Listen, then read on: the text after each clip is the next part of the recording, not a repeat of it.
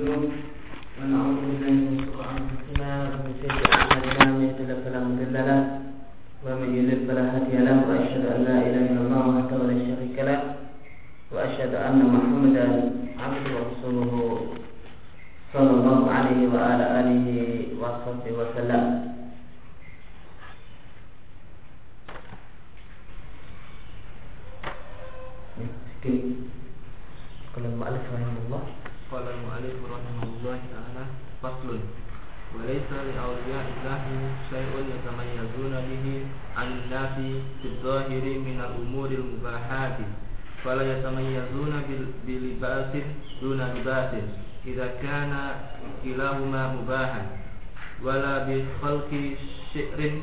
syahrin bala bi halki bi khalqi sya'rin au taqsirihi au sifrihi au dhafrihi au dhafrihi idza kana mubahan kama qila kam min sadiqin fi qaba'in wa kam min zindiqin fi aba'in.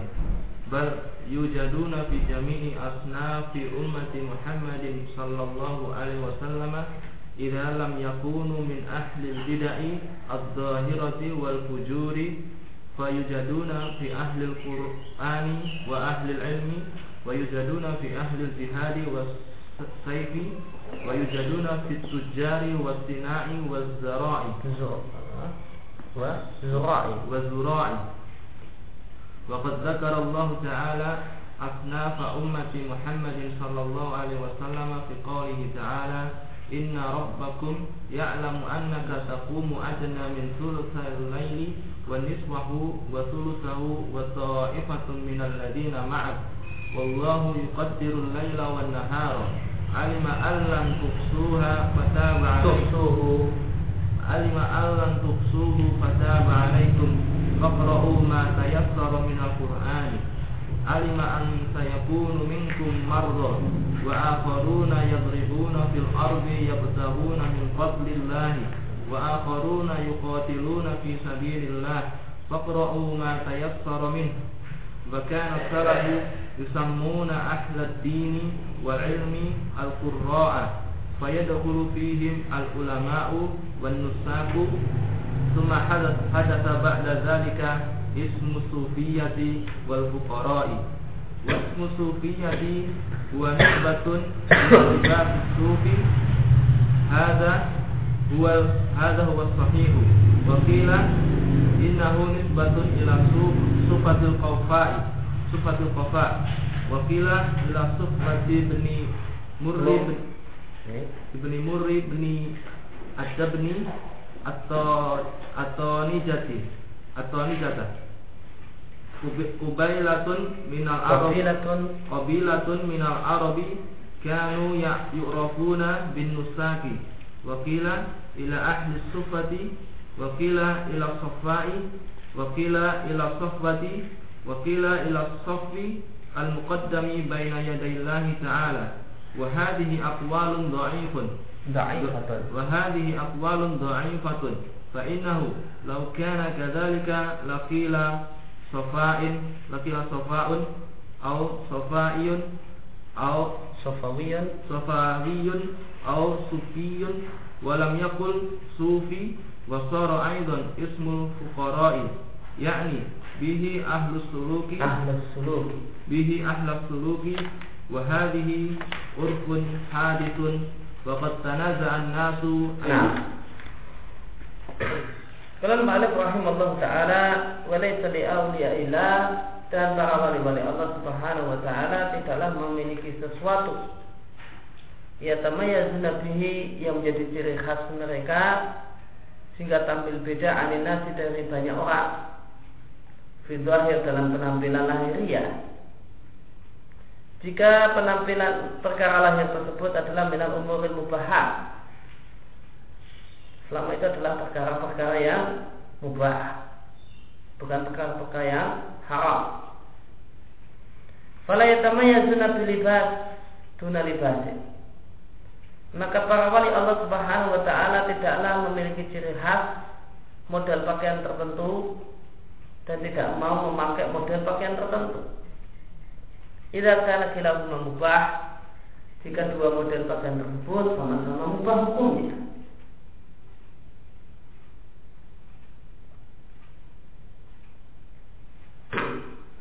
Maka beliau maka ditegaskan oleh Syekhul Islam dunia bahasanya yang namanya wali Allah.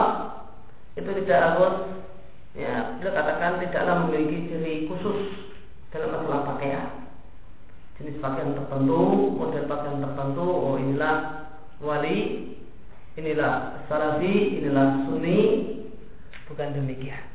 Namun selama itu pakaian itu adalah pakaian mubah, maka mereka tidak berbeda dengan umumnya orang dan kebanyakan orang.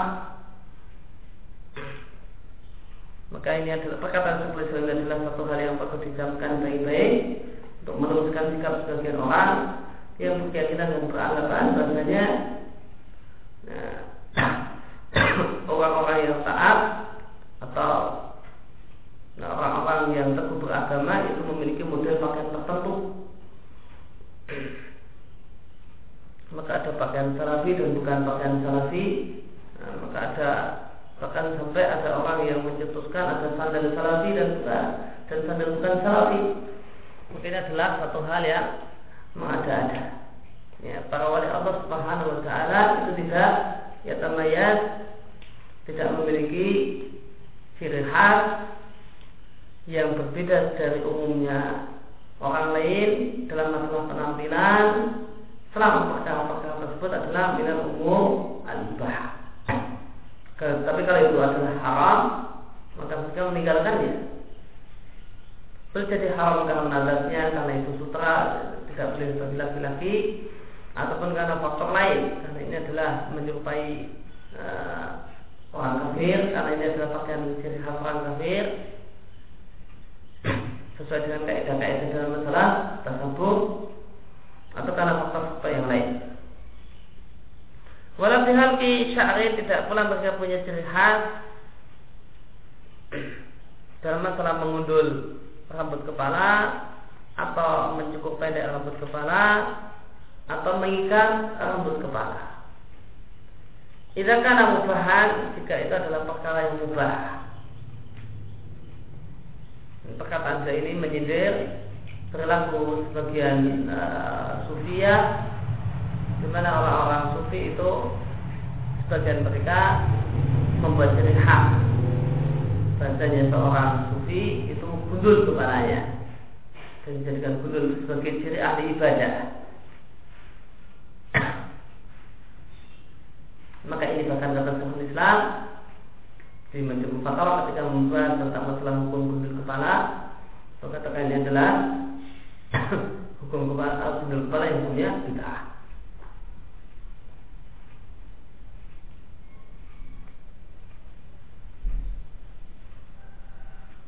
maka Syekhul Islam menjelaskan di Majmu Fatwa ada macam-macam hukum gundul kepala yang pertama hukum gundul kepala yang hukumnya masuk yaitu gundul kepala dalam rangka musuh dalam rangka ibadah umrah atau e, haji. Maka hukumnya adalah satu hal yang masuk, satu hal yang disyariatkan, satu hal yang dianjurkan atau bahkan diwajibkan. Kemudian yang kedua adalah gundul dan gundul tersebut adalah dijadikan ciri khas orang soleh atau ciri khas ahli ibadah atau semisal itu makanya ada gundul kepala yang hukumnya bid'ah.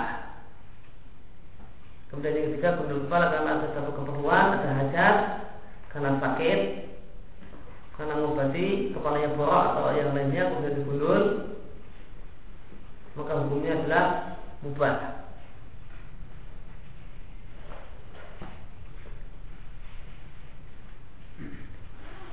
Kemudian yang keempat adalah gundul kepala tanpa sebab. Tidak ada motivasi yang mendorong seorang untuk menggundul kepala. Maka kata beliau ulama berselisih pendapat tentang gundul kepala semacam ini.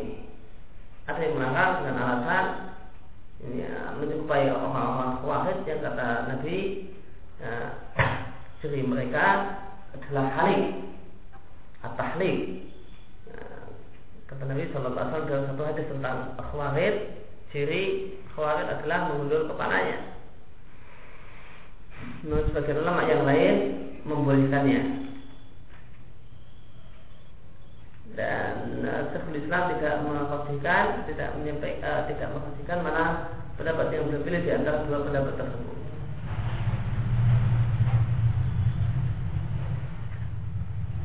Kemungkinan sebagaimana dikatakan kami sedikit betapa banyak seorang yang sedih di Kubain dia berada di satu tenda.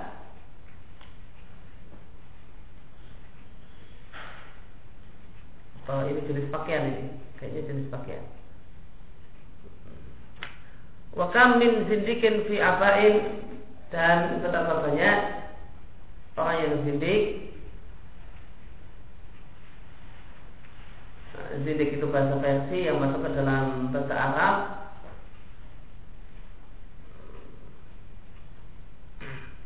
yang umumnya maknanya adalah munafik, orang yang pura-pura masuk Islam, namun untuk merusak Islam dari dalam.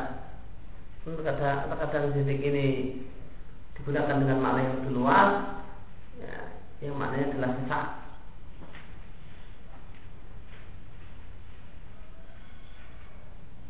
Dan betapa banyak orang yang sindik, orang yang sesat, abain memakai abaya, memakai ya sejenis jubah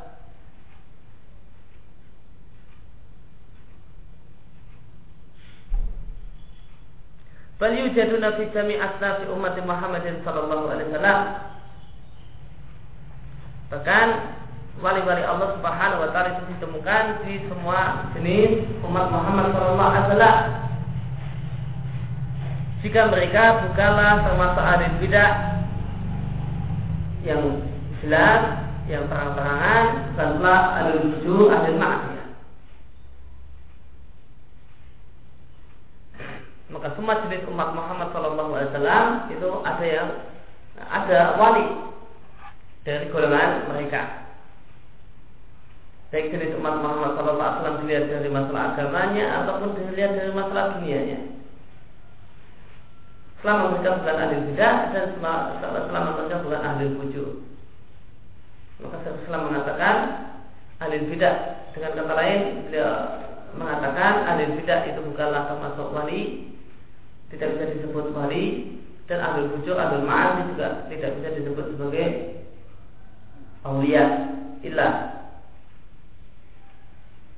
Fayujadnya fi ahli Quran maka dijumpai adanya wali Allah Subhanahu wa taala dan dia dari golongan ahli Quran, orang yang menekuni Al-Quran. Ada wali dan golongan orang yang menekuni Al-Quran. Wa ahli ilmi dan ada orang yang eh, ada wali Allah Subhanahu wa taala dijumpai dari golongan orang-orang yang menekuni ilmu ilmu syar'i, fikih dan yang lainnya. Dan juga dijumpai adanya wali Allah Subhanahu wa taala di ahli jihad. Di tengah-tengah orang eh, gemar berjihad kepada Allah Subhanahu wa taala dengan jihad yang syar'i. Dia bukanlah termasuk ahli ilmi dia enggak eh, enggak pintar untuk suruh belajar. Namun kalau pintar untuk suruh perang maka dia rajin perang. Maka juga ada golongan orang-orang semacam ini ada juga dia, uh, yang menjadi wali Allah Subhanahu wa taala maka berbagai jenis umat Muhammad SAW dilihat dari sisi agamanya amal yang menonjol yang dia miliki ada yang amal menonjol yang adalah Quran ada yang amal menonjolnya adalah ilmu-ilmu syar'i, ada amal menonjolnya adalah jihad, bersaing dan pedang itu jihad. Dan juga dijumpai wali-wali Allah Subhanahu wa taala ditujar dari golongan para pedagang dan golongan para pengkasir, orang yang membuat barang-barang tertentu dan juga dari golongan orang yang bercocok tanam. Maka berbagai jenis umat Muhammad Sallallahu Alaihi Wasallam dilihat dari sisi dunianya dan, dan pekerjaannya. Dan Allah Subhanahu wa taala telah menyebutkan jenis-jenis umat Muhammad sallallahu alaihi wasallam dalam firman yang surat Zamil. Inna rabbaka ya'lamunya Rabbmu ya Allah Subhanahu wa taala mengetahui yang engkau berdiri kurang dari dua per tiga malam. Dan kurang dari setengah malam bahkan kurang dari sepertiga malam. Wa ta'ifatan minalladzina ma'ak dan sejumlah orang yang bersamamu. Dan Allah yang menetapkan malam dan siang. Alim ala tusuhu fataba alaikum. Abdul bawa jalan Fakra umat salam dan Quran maka bacalah Al-Quran ayat Al-Quran yang mudah bagimu.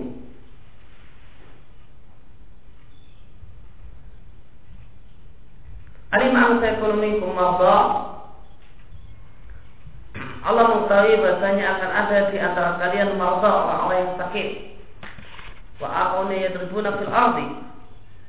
Dan yang lain ada orang-orang yang dorobafi Dorobafi artinya bepergian. Ya tribuna fil arti Orang-orang yang bepergian di muka bumi. Ya bertahuna min fadillah Mencari rezeki. Maka harta Dalam ayat ini disebut Fadillah. Karunia dan anugerah dari Allah subhanahu wa ta'ala. Ini menunjukkan Pentingnya Harta sehingga dia disebut sebagai fadlillah karena Allah Subhanahu wa taala. Sebagaimana juga di surat Jumu'ah.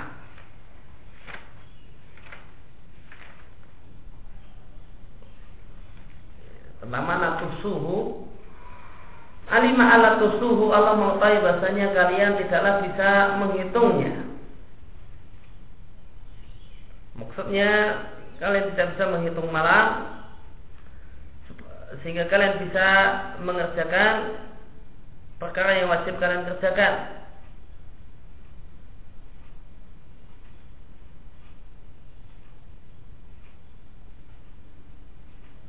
Kecuali dengan e, sholat di seluruh keseluruhan malam, itu adalah satu hal yang berat bagi kalian. Fatapa alaikum maka Allah menerima tobat kalian dengan Allah Subhanahu wa taala menetapkan keringanan bagi kalian. Yang di awal Islam Salat yang diwajibkan bagi kaum muslimin adalah salat malam Ini adalah ayat yang menceritakan tentang kewajiban salat malam untuk kaum muslimin dan keringanan dari Allah Subhanahu wa taala.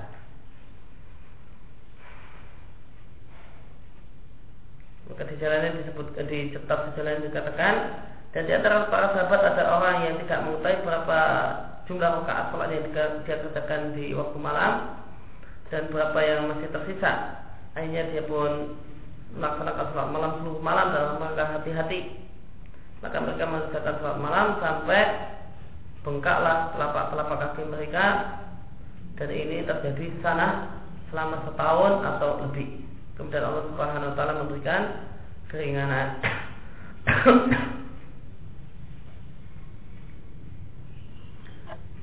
Fakar umat ayasal minal Quran Maka Allah berikan keringanan Dengan Allah katakan Fakar umat ayasal minal Quran. Maka bacalah Al-Quran yang mudah bagimu. Ada yang menjelaskan bahasa Quran di sini maknanya adalah sholat.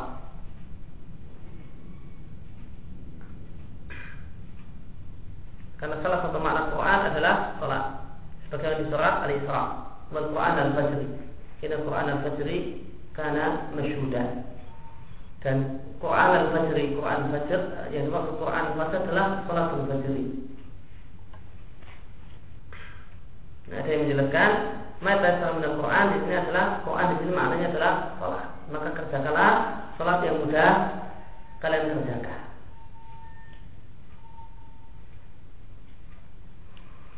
Karena terkadang Quran itu maknanya adalah sholat, contohnya adalah firman Allah surat Al-Hajj Sebagaimana terkadang sholat maknanya dengan Quran. Sebagaimana dalam hadis qudsi Allah Subhanahu wa taala berfirman, "Qasamtu sholat baini wa baina abdi." Wali abdi masa'ala. Aku membagi sholat antara aku dan hambaku dan hamba apa yang dia minta. Dan dimaksud sholat adalah surat Al-Fatihah. Maka maksudnya adalah Al-Quran. Maka terkadang Al-Quran disebut dengan istilah salat dan terkadang salat uh, disebutkan dan maknanya adalah salat. Dan terkadang Quran disebutkan dan maknanya adalah salat. Maka ada sebagian ahli tafsir uh, yang menjelaskan bahwa fakar mata yang dengan Quran ini maknanya adalah salat. Maka kerjakanlah salat yang mau kalian kerjakan. tidak usah memaksakan diri. Ini adalah keringanan yang Allah Subhanahu wa taala berikan berkaitan dengan kewajiban sholat malam yang ada di awal-awal Islam nah, selama setahun atau tahun lebih. Kemudian Allah menyebutkan ada tiga jenis umat Muhammad. Allah tahu bahasanya di antara kalian pertama ada orang yang sakit, kemudian yang kedua adalah para pedagang yang berjalan di muka bumi untuk mencari harta, dan yang ketiga adalah mujahid. Wa'afawna yuqatiluna fi sabilillah. Dan yang ketiga adalah orang-orang yang berperang di jalan Allah Subhanahu wa taala.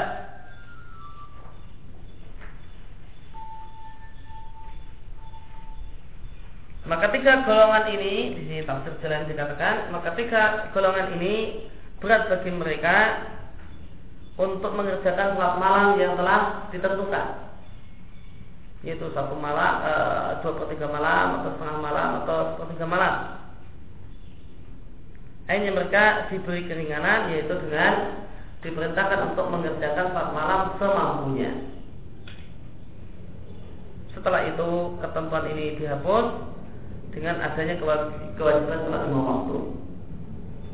Maka pertama kali adalah diwajibkan untuk sholat malam dua per tiga malam atau setengah malam atau selama sepertiga malam.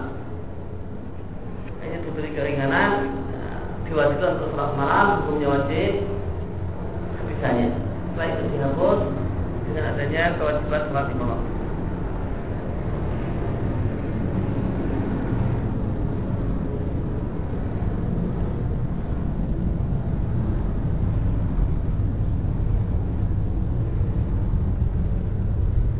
Maka umat tayassaramin maka bacalah apa yang mudah bagi mudah bagi kalian dari Al-Quran.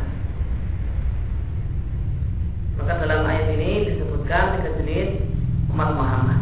Jadi Syekhul Islam mengatakan dan Allah telah menyebutkan jenis-jenis umat Muhammad SAW dalam ayat ini. Di sini disebutkan tiga jenis umat Muhammad. Ada orang-orang yang sakit, ada pedagang, dan ada orang yang sibuk dengan berjihad. Maka salam dan dulu para ulama salam menamakan orang-orang yang baik agamanya. Dan dia adalah orang yang berilmu, orang yang berilmu dan orang yang baik agamanya. Orang yang mengamalkan agamanya disebut dengan qari, jamaknya qura. Jadi kalau kita baca asal maka sering akan kita jumpai istilah qari atau qura.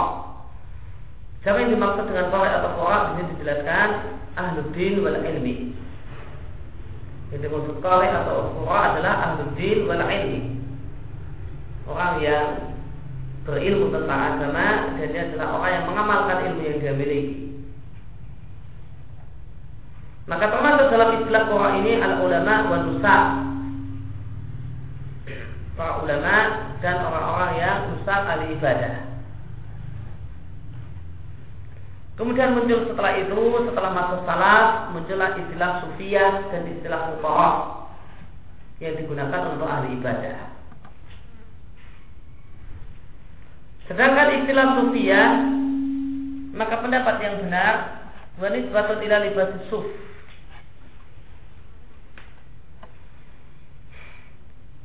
Ada nisbah kepada pakaian suf dari yaitu wol domba yang kasar.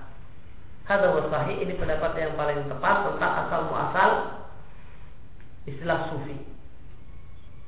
Terdapat banyak pendapat, pendapat yang benar kata Syekhul Islam. Sufi itu diambil dari kata-kata suf. Yang disebabkan orang-orang sufi itu membuat ciri khas. Ciri khas ahli ibadah adalah memakai kain wol yang kasar. Yang ini tadi telah disindir, eh, disindir dan telah disinggung oleh Syekhul Islam bukanlah para wali harus membedakan diri dalam jenis pakaian tertentu dan model pakaian tertentu. Bahkan wali Allah itu tidak memiliki eh, ciri khas yang membedakannya dari umumnya manusia dari sisi penampilan. Ini adalah bantahan terhadap nah, kalimat yang tadi sudah sampaikan adalah bantahan terhadap sikap orang-orang sufi yang mengkhususkan diri dan menyatakan bahwa yang namanya wali itu yang memakai suf.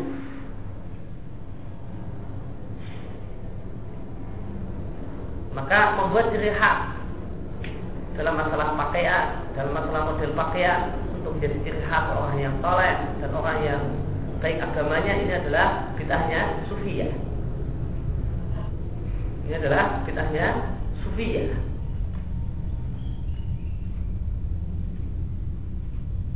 Maka sungguh aneh ada orang yang demikian anti dengan sufiyah dan tarekat sufiyah namun terjumur dalam bid'ah sufiyah.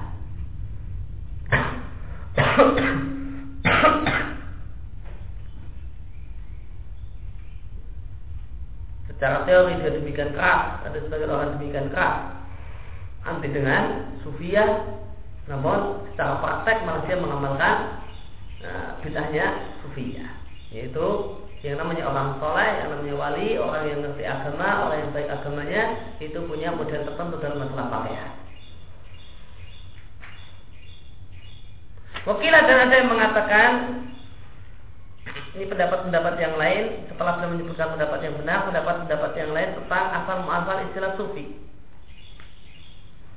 Ada yang mengatakan bahasanya uh, istilah sufi itu nisbat kepada sufatul kofa. Dan ada yang mengatakan nisbat kepada sufa bin Mur bin Ad bin Tonijah yaitu satu kabilah Arab yang mereka itu yang ada di masa jahiliyah. Dan sejak masa jahiliyah kabilah ini telah dikenal sebagai nusa. Sebagai orang-orang yang gemar beribadah.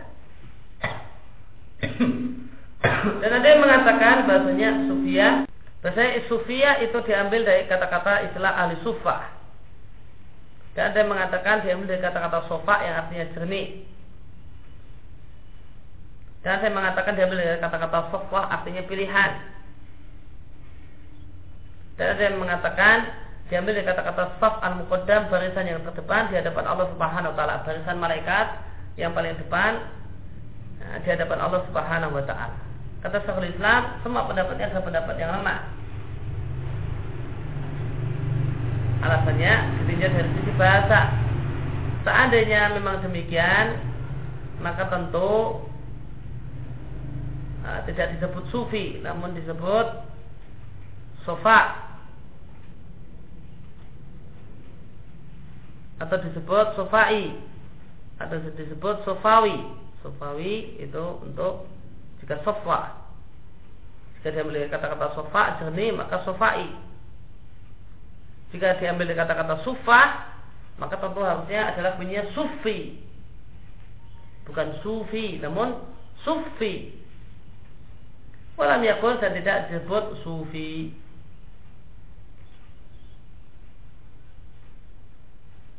Nah, ada penjelasan di footnote 5. Kalau uh, sufi inilah nisbat yang benar untuk ahli sufa.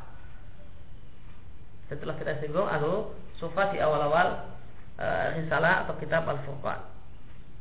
Mereka adalah para sahabat Nabi Shallallahu Alaihi Wasallam muhajirin tidak ada yang ansor yang tinggal di bagian belakang masjid karena mereka di Madinah tidak memiliki kerabat tidak memiliki tanah dan tidak memiliki rumah hanya tinggal sementara di bagian belakang Masjid Nabawi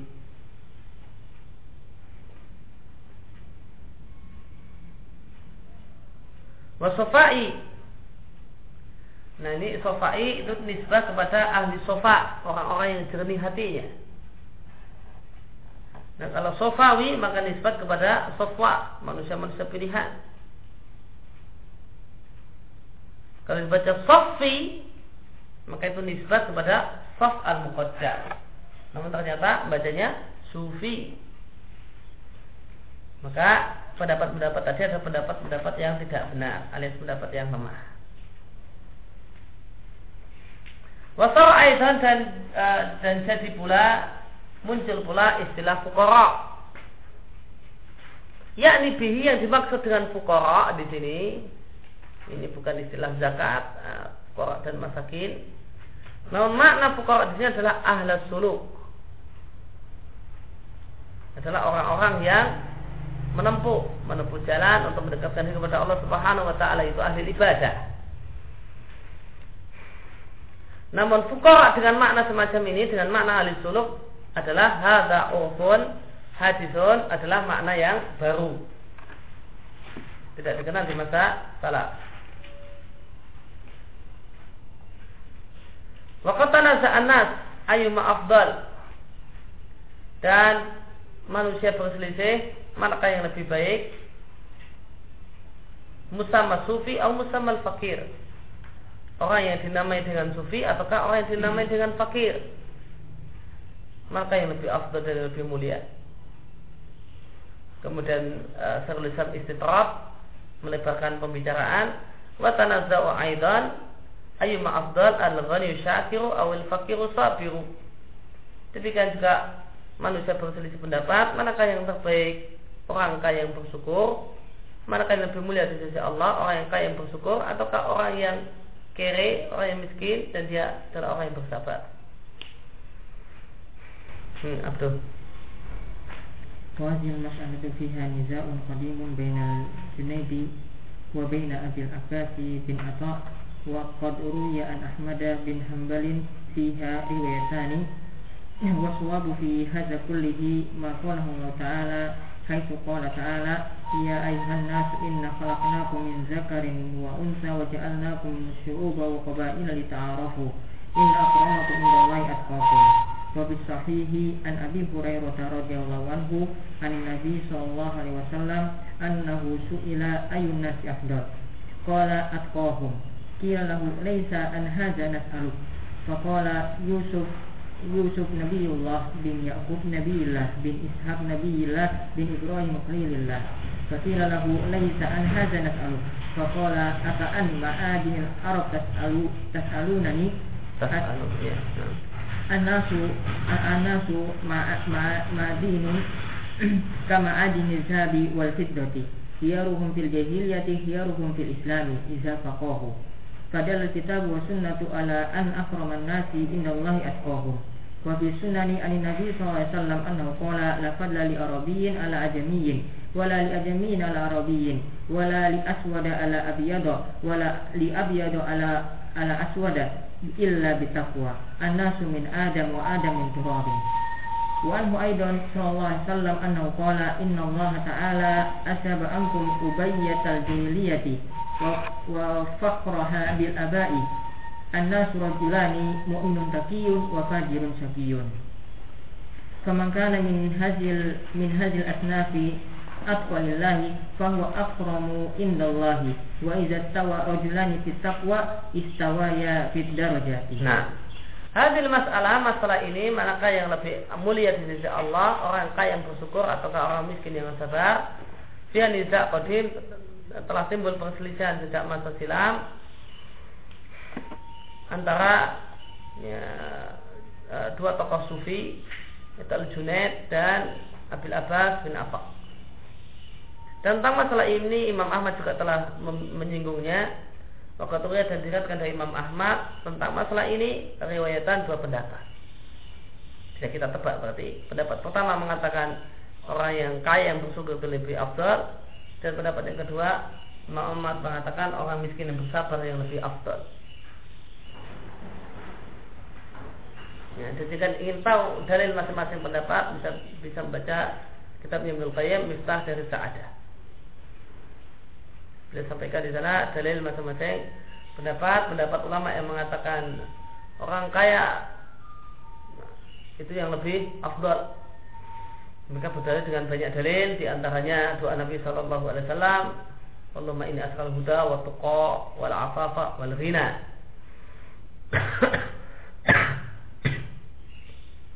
Juga berdalil dengan keadaan Nabi sallallahu alaihi wasallam. Bagaimana dalam surat Al-Insyirah eh, wajadaka ailan fa'arna kami jumpai kalian eh, kamu dulu miskin kemudian arna dan Allah sayakan demikian juga berdalil dengan uh, uh, Sedangkan ulama yang mengatakan orang yang miskin itu lebih abal berdalil dengan banyak dalil semacam orang miskin itu lebih dulu masuk surga dan beberapa dalil-dalil yang lain. Kesimpulannya waswaf fi hadza kullihi pendapat yang benar dalam ini semua itu tentang masalah syakir dan fakir sobir demikian juga atau mungkin juga termasuk perkah yang pertama al musamma sufi atau al musamma fakir pendapat yang benar dari ini semua adalah kembali pada firman Allah Subhanahu wa taala. Wahai sekalian manusia artinya kami menciptakan kalian min dzakarin wa dari laki-laki dan perempuan. Firman Allah di sini mintakan wa unsa adalah uh, alal ghalib. Yaitu umumnya manusia. Allah ciptakan dari laki-laki dan perempuan dari ibu dan bapak. Karena sebagian manusia ada yang cuma min zakarin saja tanpa unsa yaitu hawa ada yang min unsa saja tanpa min zakarin yaitu Isa dan ada yang bukan min zakarin tidak pula min unsa yaitu ada maka Inna khalaqnakum min dzakarin wa untha itu adalah min babil ghalib, umumnya manusia. Wa su'uba wa qabail. Dan kami jadikan kalian su'uban wa qabail. Apa beda su'ub dan qabail? Sebagian tafsir mengatakan su'ub itu adalah istilah untuk non Arab, ajam, wal qabail dan qabilah itu adalah istilah untuk orang Arab, suku sukunya orang non Arab itu Sa'ab dan suku Arab itu kabilah.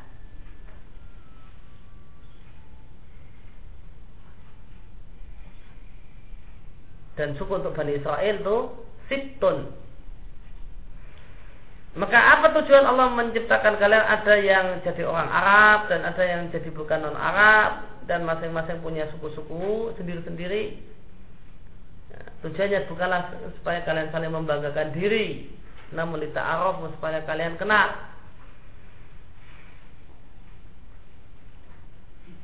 Hina akramakum indallahi atqakum Sesungguhnya orang yang paling mulia Di antara kalian di sisi Allah adalah yang paling bertakwa. Maka inilah jawabannya. Jawaban tentang masalah tadi Al-Ghani Syakir apakah Al-Fakir Sabir Jawabannya adalah Inna akramakum indallahi atqakum. Maka yang paling bertakwa? Yang paling tinggi derajat takwanya di antara al-ghani syakir ataukah nah, fakir sabir. Jika ada dua orang yang satu miskin yang satu kaya, yang satu bersyukur karena kayanya dan satu bersabar karena miskinnya, kok ternyata yang miskin itu derajat takwanya lebih tinggi dalam dalam keadaannya maka dia lebih mulia daripada yang itu. Namun jika ada yang orang yang kaya yang ber, yang bersyukur itu derajat takwanya lebih tinggi maka dialah yang lebih mulia.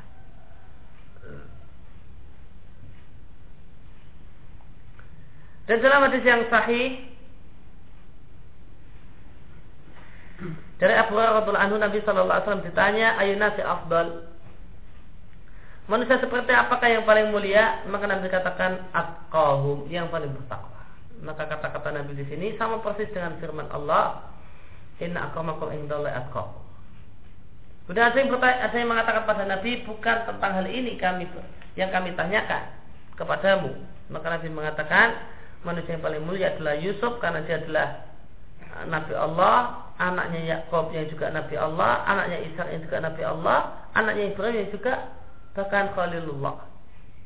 Maka dari nasab, dari sisi nasab, Yusuf itu adalah manusia yang paling mulia. Anak Nabi, bapaknya Nabi, kakeknya Nabi, buyutnya juga Nabi. Fakila maka ada yang mengatakan pada Nabi bukan tentang hal ini kami yang kami tanyakan kepadamu. Maka Nabi katakan apakah kalian bertanya an ma'adinil Arab tentang bahan tambangnya orang Arab yaitu apakah yang kalian tanyakan tentang orang-orang Arab tas alunani yang kalian tanyakan padaku maka Nabi katakan manusia itu ma'adin ka ma'adin zahab wal fiddah manusia itu adalah bagikan barang tambang sebagaimana barang tambang yang ketika diolah akhirnya bisa jadi emas dan bisa jadi perak. Maka Nabi katakan khiyaru ya khiyaruhum fil dalam manusia yang terbaik di masa jahiliyah itulah yang terbaik di masa Islam jika dia adalah orang yang berilmu. Maka Nabi katakan orang Arab yang paling baik orang-orang yang paling mulia adalah orang yang di masa jeliah dia adalah orang yang terbaik. Ya, dari sisi akhlaknya dan yang lainnya.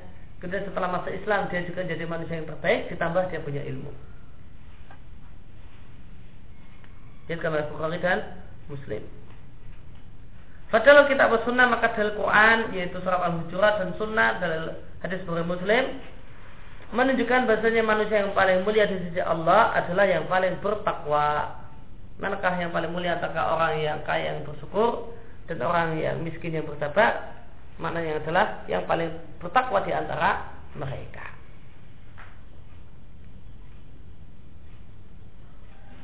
Dan pendapat yang benar, keadaan Nabi Shallallahu Alaihi Wasallam itu Nabi satu ketika adalah mas kaya dan di satu kesempatan adalah miskin. Sehingga terkumpul pada diri Nabi Shallallahu Alaihi Wasallam keutamaan dua hal ini. Keutamaan orang kaya yang bersyukur dan keutamaan orang miskin yang bersabar. Bapak dan dalam uh,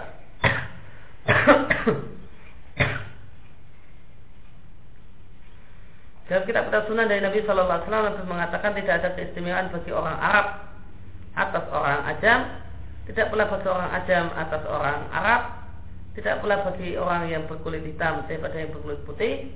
Tidak pula lebih istimewa orang yang berkulit putih dibandingkan yang berkulit hitam. Illa takwa kecuali dengan sifat takwa. Karena manusia semuanya dari Adam dan Adam itu dari roh, dari tanah. Ini catatan kaki hadisnya saya dilihatkan oleh Musaddad dalam musnadnya dan dilihatkan oleh Imam Ahmad juga dilihatkan oleh Al Haris bin Abu Sama dalam musnadnya Nah.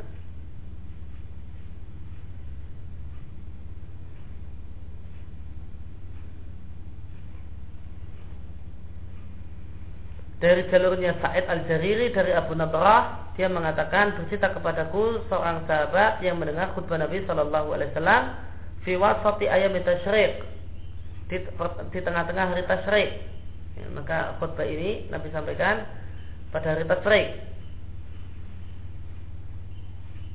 dan dia sebutkan apa yang Nabi katakan tadi namun tidak ada kalimat yang terakhir. Yaitu tidak ada kalimat warna sumin adam. Nah, riat ini adalah sanatnya sahih e, para pokoknya adalah orang-orang yang sikok. Jariri meskipun dia adalah orang yang ikhtilaf, orang yang bercampur hafalannya di akhir hidupnya, akan tetapi orang yang mengambil riat darinya dalam riatnya Ahmad dan Muhammad adalah Ismail bin Ulayya dan dia adalah orang yang mendengar dari Al-Jariri sebelum rusak hafalannya.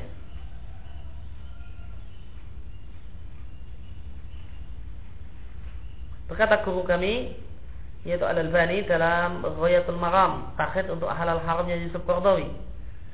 Uh, Al-Albani mengatakan ini adalah sanad yang sahih karena tidak diketahuinya siapakah sahabat tersebut la taduru tidaklah masalah bagaimana diketahui dalam ilmu mustalah hadis. Oleh karena itu hadis ini dikomentar oleh Ibnu Taimiyah di Iqtida Shiratal Mustaqim sanadnya sahih. Adapun kalimat yang terakhir anas min adam wa adam min turab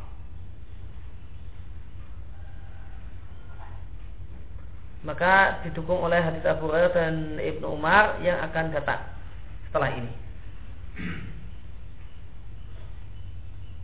Nah berkaitan dengan hadis ini, hadis ini digunakan eh, di tempat oleh sebagian orang tidak pada tempatnya. Hadis ini demikian juga ayat di atas dan hadis yang di atas digunakan oleh sebagian orang untuk menolak hukum. Yaitu bahasanya khalifah itu dari Quraisy. Mereka mengatakan in aku makum indallahi atqakum. Atau mengatakan lafadz lil Arab lil Arab ya ala ajami. Tidak ada istimewanya orang Arab dibandingkan orang yang bukan orang Arab. Nah, maka ini meletakkan dalil tidak pada tempatnya. Karena ini adalah berbicara kaidah uh, uh, uh, secara umum yang mungkin untuk mengalami taksis. Dan terdapat uh, penegasan dari Nabi Shallallahu Alaihi Wasallam itu menjadi ijma ahlu sunnah bahasanya khalifah kaum muslimin seluruh dunia haruslah uh, idealnya adalah dari orang Quraisy.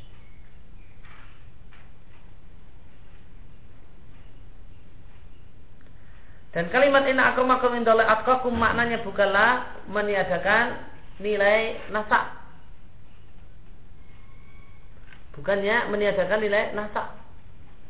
Tetap orang yang bertakwa nasabnya baik itu tetap nilainya lebih dibandingkan orang yang bertakwa nasabnya buruk.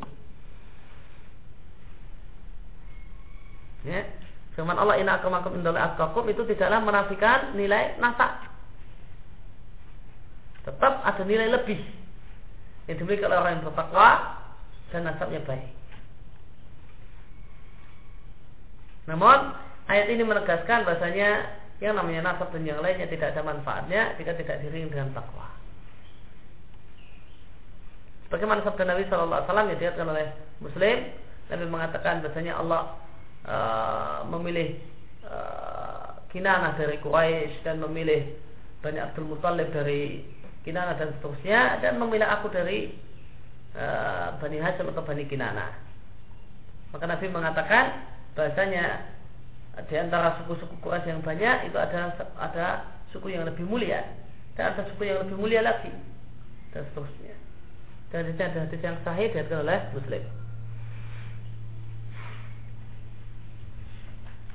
Wa anu aidan dan juga dari Nabi Shallallahu Alaihi Wasallam Nabi mengatakan si Allah menghilangkan dari kalian ubuyatul jahiliyah kesombongan jahiliyah wal bil aba dan membangga-banggakan Ya, gaya jahiliyah itu bangga-banggakan nenek moyang.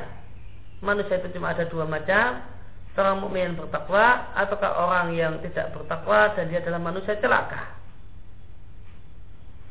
Ada sini hadis yang saya diriwayatkan Abu Dawud, Tirmidzi dan Ibnu Wahab dalam Jami' Imam Ahmad dari Abu Hurairah.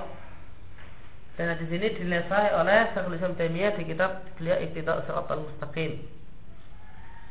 Kata muhaqqiq yang lebih bagus dari perkataan Syekhul Islam Taimiyah adalah perkataan guru kami.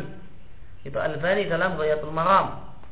Kata Al-Bani, hadis ini menurutku sanatnya hasan. Meskipun ala mengikuti mengikuti syaratnya muslim. Namun aku tidak berani mensahihkannya. Karena Hisham bin Sa'ad adalah salah seorang perawi yang ada pembicaraan dari sisi hafalannya. Dan dikomentar oleh Al-Hafidh Ibnu Hajar dalam Takribut Tahzib orang yang jujur memiliki banyak salah pemahaman. Namun hadis ini ada memiliki pendukung dari jalurnya Ibnu Umar yang dia oleh Tirmidzi dan Ibnu Abi Syaibah dan Baihaqi eh, dalam Su'abul Iman dan hadis pendukung sanadnya Hasan. Maka Hasan ditambah dengan Hasan sehingga secara umum hadis ini naik menjadi jadinya sahih yaitu sahih li Famakana min hadil asma maka siapa saja yang berasal dari golongan-golongan tadi orang kaya ataupun orang miskin akalillah dia lebih bertakwa pada Allah maka dialah yang lebih mulia di sisi Allah dan jika keduanya adalah sama dalam takwanya maka sama dalam derajatnya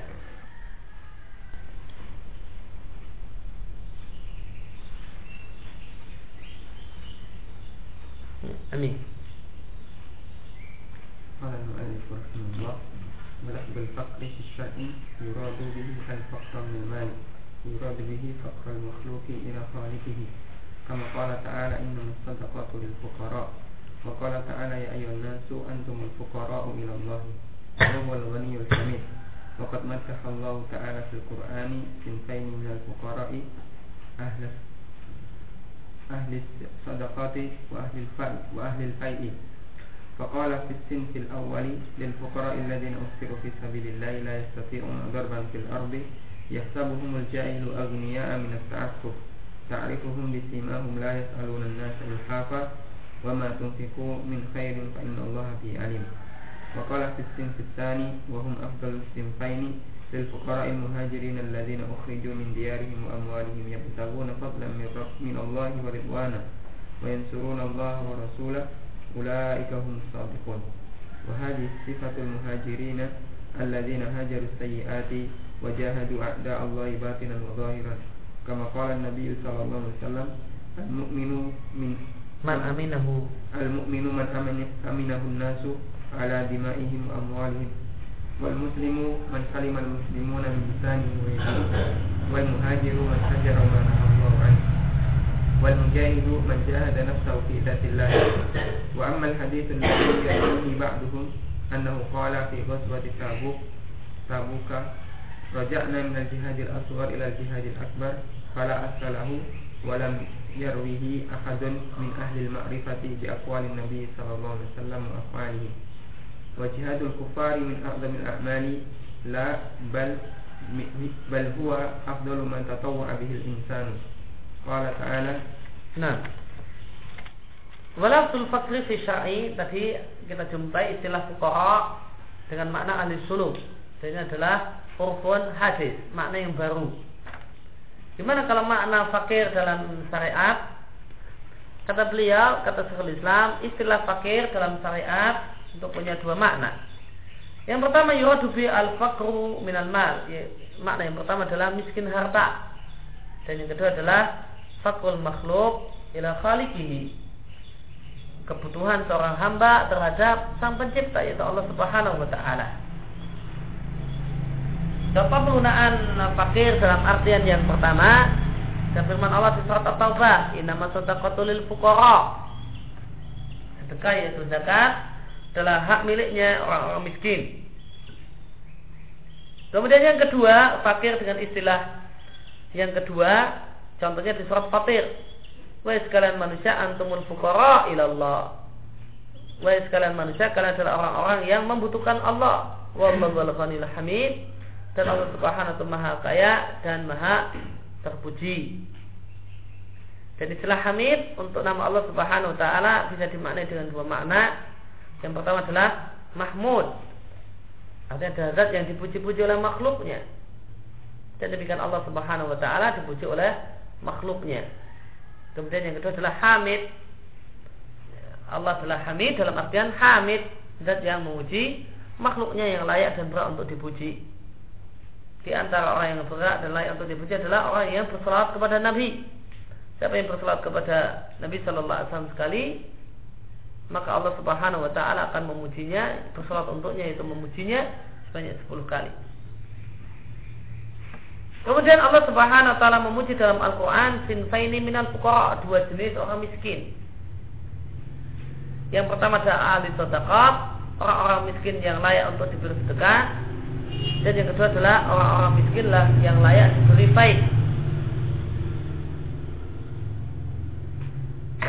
Allah berfirman tentang jenis yang pertama lil fuqara sedekah itu adalah bagi orang-orang miskin Allah diusiru fi sabilillah yang mereka itu tercegah di jalan Allah Subhanahu wa taala. Mereka sibuk dengan amal kebajikan sehingga dalam amal amal fisabilillah sehingga la yastati'una darban fil ardi. Mereka tidak punya kesempatan untuk bepergian di muka bumi untuk berdagang, untuk mencari rezeki. Yastabumul jailu arniya minat ta'afu.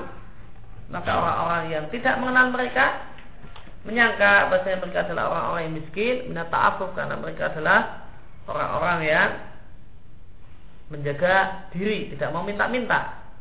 Ta'rifuhum bisimahum, engkau mengenal mereka dengan tanda-tanda yang ada pada diri mereka. Apa tanda mereka? Lais alunan nasa ilham. Mereka tidaklah mengemis, minta-minta pada orang lain dengan ilham, dengan mendesak-desak.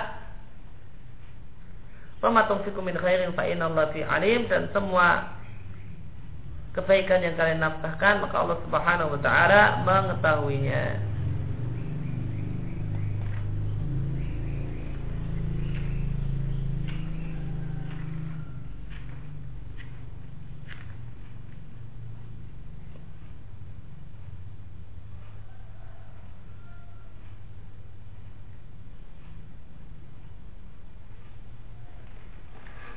Di jalan lain lil fuqara itu adalah membuang uh, mubtada. Mubtadanya adalah sedekah. Sedekah lil fuqara. Alladzina usiru fi sabilillah. Usiru maknanya hubisu.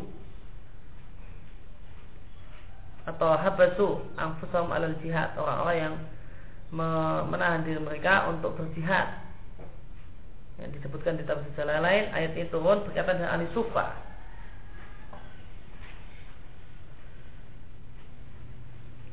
Al-Sufa itu di sini disebutkan jumlahnya 400 orang dari muhajirin arsadu li ta'allumul Quran, mereka menyiapkan diri mereka untuk belajar Al-Quran dan berangkat berjihad bersama para pasukan. Maka mereka tidak mampu bepergian di muka bumi untuk berdagang dan mencari penghidupan karena mereka tersibukkan dengan jihad. Maka orang-orang tidak mengetahui kondisi mereka mengira bahasanya mereka adalah orang-orang yang kaya karena mereka tak takabur, tidak mau ngemis dan minta-minta. Engkau mengenal mereka dengan tanda mereka. Apa tanda mereka? Simahum tawaduk wa asarul judi. Yaitu tawaduk dan tanda kalau mereka adalah kesusahan, kesusahan hidup.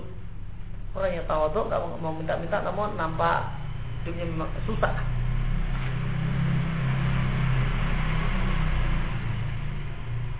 Mereka tidak meminta-minta kepada manusia sedikit pun ilhafat dengan mendesak. Apakah mereka ngemis minta-minta pada manusia namun tanpa mendesak? Kalau kita baca sekilas mungkin maknanya adalah mungkin mereka minta-minta namun tidak mendesak. Karena yang Allah katakan mereka tidak meminta-minta dengan mendesak-desak, memaksa-maksa orang yang diminta agar memberi. Namun uh, tafsirnya maknanya la su'alalahum asla. Mereka tidak ngemis sama sekali.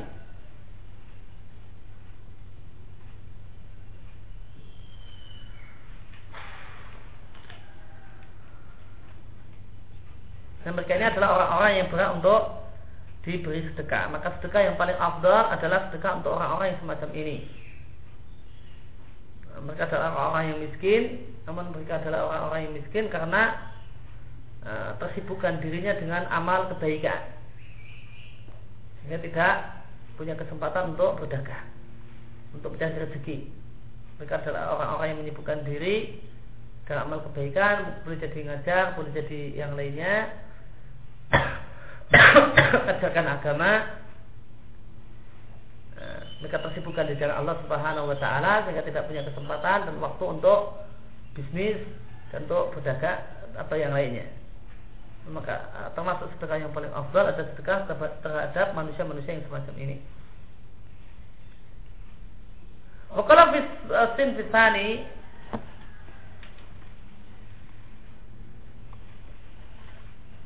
dan penjelasan yang uh, sangat bagus atau cukup bagus tentang Al-Baqarah 273 ini disampaikan oleh sesaat di tafsirnya di Sir Karim Rahman. Wakala fisin fisani dan berkaitan dengan golongan yang kedua yaitu ahlul baik dan ini kata Syekhul Islam adalah afdalul sinfain adalah yang paling afdal dari dua jenis orang miskin ini. Bagi orang-orang fukara muhajirin yang mereka diusir dari kampung mereka wa amalin dan diusir dari harta mereka karena mereka mengharap karunia dari Allah dan ridha dari Allah dan karena uh, mereka adalah orang-orang yang menolak Allah dan Rasulnya. Mulai kaum musadikun mereka orang-orang yang sejati dalam imannya.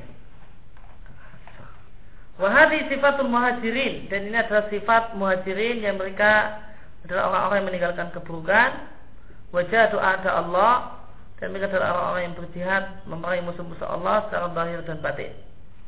Sebagaimana sabda Nabi Shallallahu Alaihi Wasallam, orang yang beriman yang hakiki adalah orang yang manusia atau orang-orang lain merasa aman dari gangguannya dari gangguan orang tersebut berkaitan dengan harta ataupun berkaitan dengan darah. Ada yang sahih dari oleh Nasai dan Tirmidzi dari Abu Hurairah. Sahih oleh Al Albani dalam Sahihah. Dalam hadis yang lain Nabi mengatakan dan Muslim yang hakiki adalah orang yang tidak mengganggu kaum muslimin yang lain sehingga kaum muslimin yang lain merasa aman dari gangguannya baik gangguan lisannya ataupun tangannya dan orang yang berhijrah adalah orang yang meninggalkan yang hakiki adalah orang yang meninggalkan semua apa yang Allah larang Dikatakan oleh Bukhari dan Muslim. Dan hadis yang lain Nabi mengatakan orang yang berjihad adalah orang yang menundukkan hawa nafsunya fidatilai karena Allah Subhanahu wa taala. Dikatakan oleh Tirmidzi uh, dan Fadullah bin Ubay dinasah oleh Al-Albani di Sahihah. Kemudian adalah istitraf karena menyinggung masalah mujahid adalah orang yang berjihad melawan nafsunya. Amal hadis Adapun hadis yang diriatkan oleh sebagian orang Bahasanya Nabi mengatakan pada saat perang Tabuk, "Wajakna minal jihadi asghar ila jihadil akbar." kami kembali atau kita kembali dari jihad yang kecil menuju jihad yang besar dan jihad yang besar adalah uh, adalah jihad melawan nafsu fala aslalahu kata Syekhul Islam hadis ini adalah la aslalahu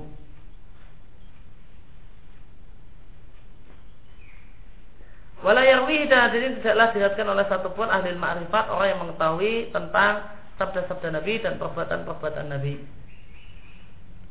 Namun la aslalahu di sini maknanya bukanlah sebagai makna yang sering kita jumpai uh, dalam pelajaran hadis yaitu la aslalahu artinya adalah tidak ada sanatnya. Bahkan ada sanatnya bagaimana di uh, di catatan kaki nomor ketiga. Jadi ada hadis yang mungkar kata muhakik dijadikan oleh Khatib Al-Baghdadi di Tarikh Baghdad dari Jabir.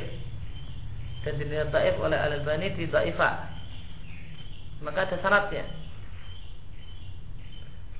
Maka uh, yang dimaksud la aslalahu dalam istilah Syekhul Islam ini adalah la aslalahu minas sahih. Tidak ada asal usulnya dari hadis yang sahih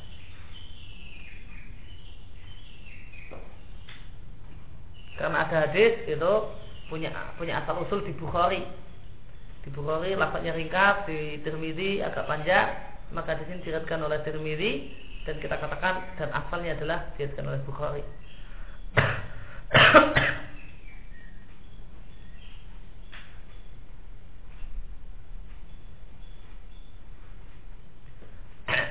Kemudian berkaitan dengan jihad melawan nafsu dan jihad secara fisik, Syekhul Islam mengatakan jihad kufar dan jihad melawan orang-orang kafir adalah termasuk amal yang paling mulia. dan kita dan kita katakan bahasanya orang itu tidak akan mungkin berjihad melawan orang kafir kecuali setelah berjihad melawan dirinya sendiri. Ketika dia telah berhasil mengalahkan dirinya sendiri, bisa keluar rumah berangkat jihad. Maka semua orang yang berjihad melawan, uh, berjihad melawan orang kafir, tentu dia telah berjihad melawan dirinya sendiri. Jika tidak, jika dia tidak berjihad melawan dirinya sendiri, maka anda akan jadi berangkat berjihad melawan orang kafir. La bal huwa afdalu ma insan. Tidak, bahkan jihad adalah jihad yang sunnah, jihad yang tidak wajib, jihad yang tidak wajib adalah amal tatawu yang paling mulia yang dilakukan oleh seseorang. Nah, ulama berselisih pendapat tentang amal amal sunnah apakah yang paling afdol Ulama berselisih pendapat tentang amal sunnah apa yang paling afdol. Setelah orang itu menjalankan semua hal-hal yang wajib, amal sunnah apakah yang paling afdol? Ada sebagian ulama mengatakan amal sunnah yang paling afdol adalah zikir. Dan ada ulama yang mengatakan amal yang sunnah yang paling afdol adalah jihad. Dan ada ulama yang mengatakan amal sunnah yang paling afdol adalah tolabul ilmi yang sunnah.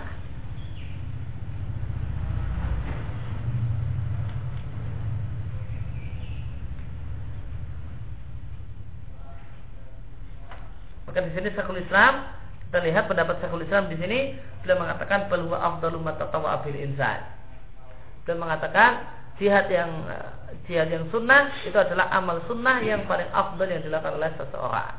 Maka di sini Syekhul Islam mengatakan amal sunnah yang paling afdal adalah jihad. Ya demikian yang kita baca kesempatan pada ini wasallallahu ala nabiyina Muhammad wa ala alihi wasallam salamu ala alamin subhanallahi wa bihamdihi asyhadu an la ilaha illa anta astaghfiruka wa atubu.